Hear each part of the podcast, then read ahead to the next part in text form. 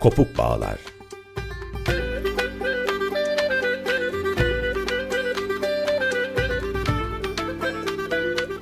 Nesnelerin Uzun Tarihi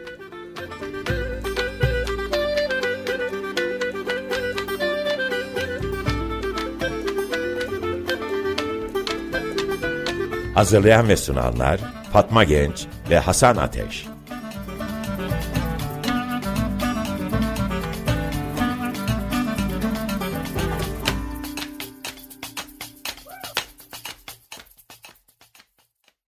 Açık Radyo'dan merhabalar. Kopuk Bağlar'ın yeni programında beraberiz. Ee, teknik masada belki Akmış arkadaşımız var. Emeğiyle bize yardımcı oluyor. Teşekkür ederiz kendisine.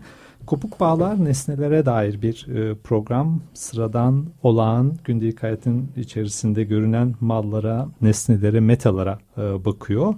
E, bu haftada e, gündelik hayatın nesnelerinin nasıl e, dönüşerek karşımıza geldiğini konuşacağız. Konuğumuz da sevgili Hakan Koçak hocamız. Hocam hoş geldiniz. Merhaba, hoş bulduk.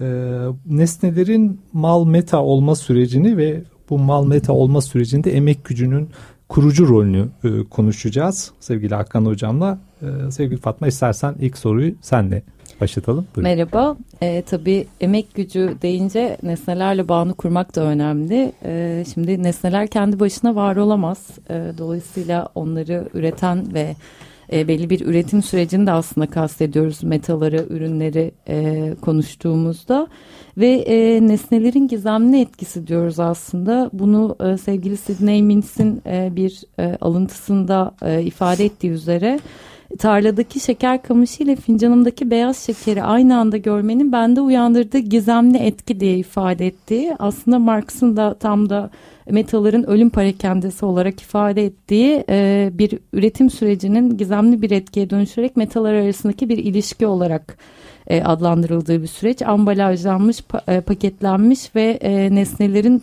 bir emek ürünü olma özelliğinin kaybolduğu bir e, süreçten de bahsediyoruz. Tam da e, burada aslında e, bizde o nesnelerdeki gizemli etkinin peşinde e, nasıl emek ürünü olduklarını sevgili Hakan Koçak hocamızla konuşacağız. Hakan Koçak tabii e, hepinizin bildiği üzerine emek tarihi üzerine önemli çalışmaları olan e, bir hocamız. Ve e, ben sözü kendisine vermeden önce şu örneği de vermek isterim aslında bu bölümünde çok önemli bir e, göstergesi benim için de. Geçenlerde Hakan Hoca'nın da konuşmacı olduğu Beykoz Kundura Fabrikası'nda eski fabrika çalışanlarıyla e, yapılan bir gezi vardı. E, ve o gezide e, e, çalışana biri şöyle bir soru sormuştu. E, ayakkabıları üretirken e, ayakkabılardaki hataları nasıl tespit ediyorsunuz diye sormuşlardı.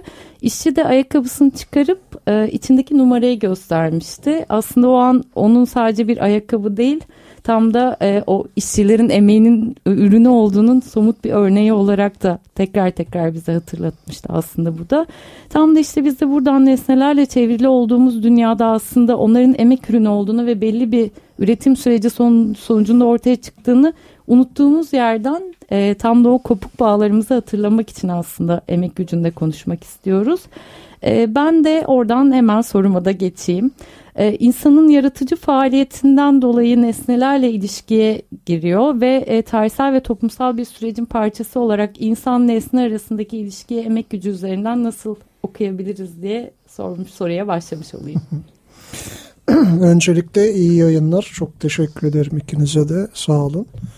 Ee, iyi bir proje ve iyi bir program bu. İnsanın kendini iyi hissettiği. Tabii emek gücünden, emekten söz etmek lazım. Çünkü çok fazla aslında metalarla çevriliyiz ve giderek daha fazla onlarla çevrili hale geliyoruz. Ee, ama aslında metaları meta haline getiren şey tam da emek gücü ki kendisi de bir meta e, olmuş olan emek gücü, metaya dönüşmüş olan. Tabii insanların toplumsal yaşamının en temelinde yer alan bir şey. Yani doğayı kendine yararlı şeyler yaratarak dönüştürmek, kendine yararlı hale getirmek. Tam da bu yararlı hale getirme, kullanılabilir hale getirme süreci bir emeğin kendini ortaya koyduğu süreç. Ama emek o anlamda aslında ikili bir şey. Yani bir yandan insan e, o emekle bu büyük dönüşümü yaparken kendisi de bir yandan dönüşüyor. O anlamıyla emek e, sadece bir e, emek sürecinde sarf edilen bir kapasite değil aynı zamanda orada bir toplumsal kurucu da. Çünkü orada sarf ederken emeği e, aynı zamanda bir toplumsallık da yaratılıyor. İnsanlar çok farklı e, evrelerde, farklı biçimlerde olsa da birlikte çalışıyorlar. O dönüşümü birlikte yaratıyorlar, yapıyorlar. Yani ta ilkel toplumlara, avcı, toplayıcı toplumlara da gitseniz yani bir arada avlanma süreçleri, bir arada ürün yetiştirmeler ve günümüzde işte çok daha karmaşık hale gelmiş ama e, o emek süreçlerinin iç içe girdiği e, hatta küreselleştiği bir düzende yine topluca e, yapılan bir şey aslında e, harcanan bir şey emek. Tabi burada e, emeğin önemli rolü kapitalist toplumlardan söz edersek yani her şeyin giderek daha metalaştığı, metalaşmanın daha derinleştiği kapitalist toplumda metalar birbiriyle mübadeleye giren işlenmiş nesneler yani o nesneler ham haldeyken işte şeker kamışı dedin onun şekere dönüşümü o emek gücü de ona eklenerek aslında metaya dönüşüyor. Yani mübadelenin konusu oluyor. Orada emek gücü bir değer ölçüsü haline geliyor. Yani bu büyük metalar pazarında birbiriyle mübadele edildiği pazarda metaların bunların birbiriyle karşılaştırılabilir, birbiriyle mübadele edilebilir olması için bir ortak değer olması lazım. Bu nedir? Aslında Marx'ın da kapitalde peşine düştüğü soru ve kapitali başlatırken kitabında ilk sorguladığı ve ortaya serimlediği şey bu. Yani e, o gizem dediğin şey bu. O e, aslında ondan önceki iktisatçıları da epeyce e, kafalarını meşgul etmiş olan şey. Nedir mübadeledeki bu ortak olan şey? Marx'ın buna verdiği yanıt tabii çok özce söyleyecek olursak onlara eklenmiş ya da onlarda nesneleşmiş hale gelen emek gücü. Ee, aslında o nesnelerin metaya dönüştüğünde iki değeri var. Bir kullanım değeri yani o nesnenin kendi özelliklerinden kaynak bir ayakkabı veya şeker veya e, bardak vesaire kendi başına bir kullanım değerine sahip. Ama kapitalist toplumda bundan daha öne çıkan şey ise onun değişim değeri. E, bu değişim değeri mübadeleye girmesiyle mümkün. E, alınır satılır olmasıyla mümkün. E, bu alınır satılır olduğunda da farklı nesnelerin birbiriyle e, bir mübadelesi e, o nedir peki onları e, birbirinden çok farklı olan ve çok farklı emek süreçlerinden geçip de e, piyasaya çıkmış olan şeyleri karşılaştırılabilir yapan onlarda birikmiş emek gücü aslında. O emek gücü peki nedir? O emek gücünün de bir karşılığı ödeniyor. Buna da ücret deniyor. Emek gücünün kendisi de o anlamda bir e, meta aslında. E, yani insanın sahip olduğu e, fiziksel ve zihinsel kapasite emek diye tanımlarsak bunun meta üretirken harcanan, e, işverene kiralanan kısmını belki emek gücü olarak e, tanımlamak, kestirmeden söylesek mümkün. Tam da aslında oradan devam edeyim. Ee, aslında bu e, gizemli etki diye senin de biraz da açtığın şey tam da o e, emeğin ambalajlanmış bir şekilde aslında meta olarak ortaya çıktığı bir süreç ve dediğin gibi nesneler arası bir ilişkiye dönüşüyor aslında o. Tam da bu da işte o ürünün e, bütün üretim sürecinde var olan bütün üretim ilişkilerinde işte üreten, yetiştiren, eken, biçen, toplayan, nakleden, pazarlayan insanların da aslında görünmezleştiği bir sürece e, tekabül ediyor. Şimdi nesneleri konuşurken aslında insan emeğinin nesnelleşmesi aynı zamanda da insanın kendi ürettiği ürüne yabancılaşmasından da bahsediyoruz. E, nesneler dünyasında emek gücü nasıl görünür ve emek gücü nasıl meta haline geliyor? Evet yani kapitalizm öncesi toplumlarda da yani bütün insanlık tarihi boyunca tabii ki emek çok e, merkezde bir yerde. Yani o e, nes, doğada bulunan, ham halde bulunan şeylerin değiştirilmesi, dönüştürülmesi bir asli yaşam sürdürme faaliyeti. Ama kapitalist toplumlarda artık emek ücretli emek formuna giderek giderek yaygınlaşan bir şekilde kavuşuyor. Ee, burada emek gücünün e, metalaşması dediğimiz şey onun özgür emek olması ile ilgili aslında. Ya burada tabii özgürü bir tırnak içinde kullanmak lazım. Burada bir varsayım var aslında. Yani işçinin ve işverenin eşit şartlarda olduğu, birbiriyle karşılıklı bir sözleşme ilişkisine girdiği ve emekçinin emek gücünü e, özgürce e, sattığı, e, karşı tarafında satın aldığı, yani geçmiş toplumlardan farklı olarak zora dayalı olmayan bir emek. E, yani bir, bir bütün bedeniyle mesela düşünün geçmişte kölelerin e, emek gücün değil tüm bir emeğini hatta bedelini vermesi söz konusuydu. Feodal dönemde toprağı işleyenler de yine bir e, özgürlükten mahrumdular. Ama kapitalist toplumda özgür emek var. Fakat bu da şu e, koşulu getiriyor. Emekçinin mutlak olarak piyasaya bağımlı hale gelmesi. Yani emek gücünü ancak sattığı müddetçe e, yaşamını idame ettirmek mümkün. Burada görünür bir zor yok. Yani politik bir zor yok. Fakat aslında burada onun yerine alan bir piyasa zoru var. Yani piyasa e, emekçiyi sürekli her gün yeniden kendisini üretmek ve emek gücünü yeniden ve yeniden e, satmak durumunda bırakıyor. Tabii bunun bir süreç olduğunu, bunun da bir tarihi olduğunu da belirtmek lazım. Yani emek gücü de bir anda metalaşmıyor. Zaman içerisinde e, giderek çeşitli aşamalarda onun metalaşma düzeyinin daha arttığını, yoğunlaştığını söylemek lazım.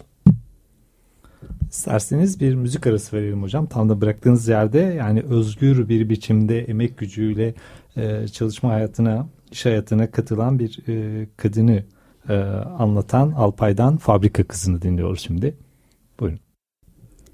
Fabrika kızı tabii 1969'da gazetede Cibali Tütün Fabrikası'nda çalışan tütün saran bir işçi kadın fotoğrafı üzerine Bora Ayanoğlu tarafından söz ve müziği bestelenmiş ve Alpay tarafından seslendirilmiş. Tabii bu şarkının şöyle bir önemi de var. E, pop müzikte ilk defa işçilerin sorunlarına yer veren bir şarkı olarak da tarihe geçiyor. Ee, özellikle şurasına da dikkat çekmek isterim. Makineler diken gibi batar her gün kalbine bir gün ölecek elleri her gün ekmek derdinde. Evet tam da bu Türkiye emek tarihini anlatan bu parçadan sonra belki Türkiye emek tarihine dair bir şey sormak istiyorum e, sevgili Hakan Hocam. O da Türkiye tarihini hep dönemselleştirirken bir zorunlu uğrak olarak kaçınamayacağımız bir e, analiz olarak siyasal e, dönemselleştirmeler yapıyoruz. Tabii ki siyasal dönemselleştirmez toplumsal dönem, süreçlerden, ilişkilerden bağımsız olarak işlemiyor ama özellikle nesneler, ürünler ve metalleri de analiz ederken e, Türkiye tarihini bu emek süreci üzerinden, emeğin ürettikleri üzerinden dönemselleştirmek de mümkün mü sizce? Buyurun. Evet. Yani önce tabii bu Fabrika Kızı çok sevdiğim bir şarkı ve tütün fabrikasından söz ediyor. Ee, soruyla da bağdaştırarak yani içinde bulunduğumuz mekan da dahil olmak üzere ve şarkıda geçen Cibari Tütün Fabrikası dahil olmak üzere özellikle erken cumhuriyet döneminde şimdi inanması biraz zor ama İstanbul'un merkez semtleri yani Üsküdar, Eminönü, Karaköy vesaire hepsi kıyılar tütün depoları ve fabrikalarıyla doluydu ve e, sayılarını on binlerle belki ifade edebileceğimiz e, tütün işçisi bu fabrikalara girip çıkıyordu ve her gün çalışıyordu. Emek gücünü e, satıyordu. O anlamıyla evet aslında mesela tütün de e, senin soruna yanıtta çok düşünülebilir bir şey. E, özellikle o dönemde e, bir işçileşme sürecinin en önemli dinamiklerinden bir tanesi mesela. Çünkü tütün çok önemli bir ihraç ürünü. O dönemde hatta sanayi planında kurulan bazı fabrikalar tütün takasıyla kuruluyor. Yani İkinci Dünya Savaşı'na giden veya İkinci Dünya Savaşı içinde geçen yıllarda e, iktisadi faaliyetlerin zor olduğu bir dönemde bu tür takaslar var ve tütün o anlamda da önemli. Fakat e, ürünün e, yanı sıra veya onun içinden geçerek emeğe baktığımızda da gerçekten böyle bir dönemlendirme yapılabilir. Özellikle 1940'ların sonu 50'ler emek gücünün proleterleşmesi yani metalaşmasında çok önemli bir evre aslında. E, yani Türkiye'nin Cumhuriyet kurulduğunda çok büyük bir bölüm aslında toprak insanları, köylü nüfus. Orada müthiş bir işçileşme süreci başlıyor. Hem coğrafi olarak kırdan koparak kentlere yığılma hem de burada hem informal hem de formal işlerde, iş gücü piyasalarında biriken e, ve hem e, iktisadi olarak işçileşen hem de kendi kentte kültürlerini yaratan gece kondu semtleriyle, işçi kooperatifleriyle vesaireyle aynı zamanda kente de damgasını vuran bir büyük işçileşme. Belki bu dönemi, bu kesiti 1980'lere kadar e, uzatmak mümkün diye düşünüyorum. Hatta yani 80-90'lara kadar uzatmak mümkün. 2000'lerde aslında bir anlamıyla biten bir süreç bu. Yani artık e, Türkiye toplumu büyük ölçüde işçileşmiş ve topraktan büyük ölçüde kopmuş bir e, toplum haline geldi. Fakat tabii bu e, merkez kapitalist ülkelerle dünya standartları karşılaştığımızda çok kısa bir e, zaman dilimi içerisinde aslında çok dramatik, çok hızlı bir gelişme. Belki de birçok politik, sosyal, kültürel meselelerin arka planında işin bu boyutunu da görmek gerekiyor. Genellikle o da hani dedik ya emeğin görünmeyen e, görünmezliğinden bu da bir görünmezlik aslında. Yani bu proleterleşme süreci. Tabii bu sürecin karşısında şu da var. Bu büyük proleterleşen kitlelerin siyasi olarak idare edilmeleri, yönetilmeleri.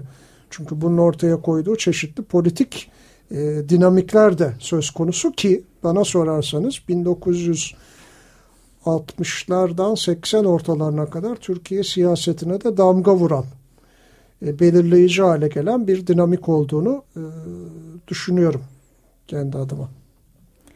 E, tabii ilerleyen bölümlerde tütünde konuşacağız sevgili Melda Yaman e, hocamızla birlikte. E, aynı zamanda e, şunu da söylemek isterim. Bu e, yaptığımız programın e, ortaya çıkmasında da büyük emekleri vardır Hakan Hoca'nın. Aslında birlikte ürettik ve e, şimdi hepimiz e, teker teker konuk alarak da programı yürütmeye çalışıyoruz. E, bir sonraki bölümlerde üç beyazlar üç siyahlara gireceğiz. E, un, şeker, pamuk e, kömür, demir ve pe, e, petrolle devam edeceğiz. E, hatta ilk sanayi planında geçen kağıt ve camdan da bahsedeceğiz.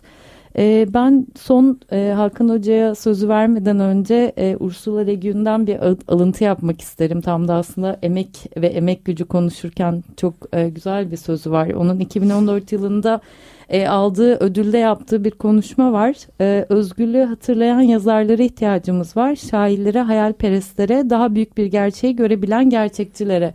Ve ben de buna ekleme yaparak e, birer meta olmadığımızı hatırlatacak şeylere ihtiyacımız var diyorum. Ve e, son sözü program bitmeden önce Hakan Hoca'ya vermek isterim. Evet bizim konumuz açısından dediğin şey belki şuna tekabül ediyor birer meta olmadığımız. Çok fazla tabii kalkınmadan söz edildi, ekonomik gelişmeden söz edildi ve ediliyor. Fakat mesela saydığın ürünlerin her birinin de e, ve bugünkü bütün bu üretimin ve sürekli olarak bizi meşgul ekonominde hep temelinde aslında o emek ve emek gücü var. Dolayısıyla e, onu derinlemesine konuşmadan aslında yaşadığımız toplumu anlamak, anlamlandırmak e, mümkün değil. O yüzden e, daha fazla e, emeği konuşur e, kılalım istiyorum. Umarım da bu proje ve bu program buna da vesile olacak. Ee, davet için de teşekkür ediyorum bu vesileyle. Biz teşekkür ederiz. Belki emeğin farklı görünümlerini de konuşacağız hatta e, tam da vurguladığın üzere işte köylü, işçi köylü e, emekçileri ve aslında Türkiye siyasal tarihine ürünler üzerinden de e, işçi tarihine, emek tarihine ürünler üzerinden de bakmış olacağız. Biz teşekkür ederiz. Sağ olun. Ee, bitirirken şunu söyleyeyim iki hafta sonra sevgili Fuat Ercan hocamla e, un üzerinden, buğday üzerinden e, konuşacağız. Peki sevgili Hakan Hoca'nın söylediği şeyle yani Türkiye'de e, bir zamanlar daha yoğun e, kırsal hayattan modern hayata, kentsel hayata geçen bu geniş yığınların nasıl doyurulacağı e, sorununu konuşacağız. E, emekçilerin, köylülerin e, karnının nasıl doyurulacağı ve bunlar doyarken de ya da doydurulmaya çalışırken de onların nasıl işçileşeceği, işçi hale getirileceği ni konuşacağız sevgili Fuat Ercan'la. Çok teşekkür ediyorum. Görüşmek üzere. Hoşçakalın lütfen.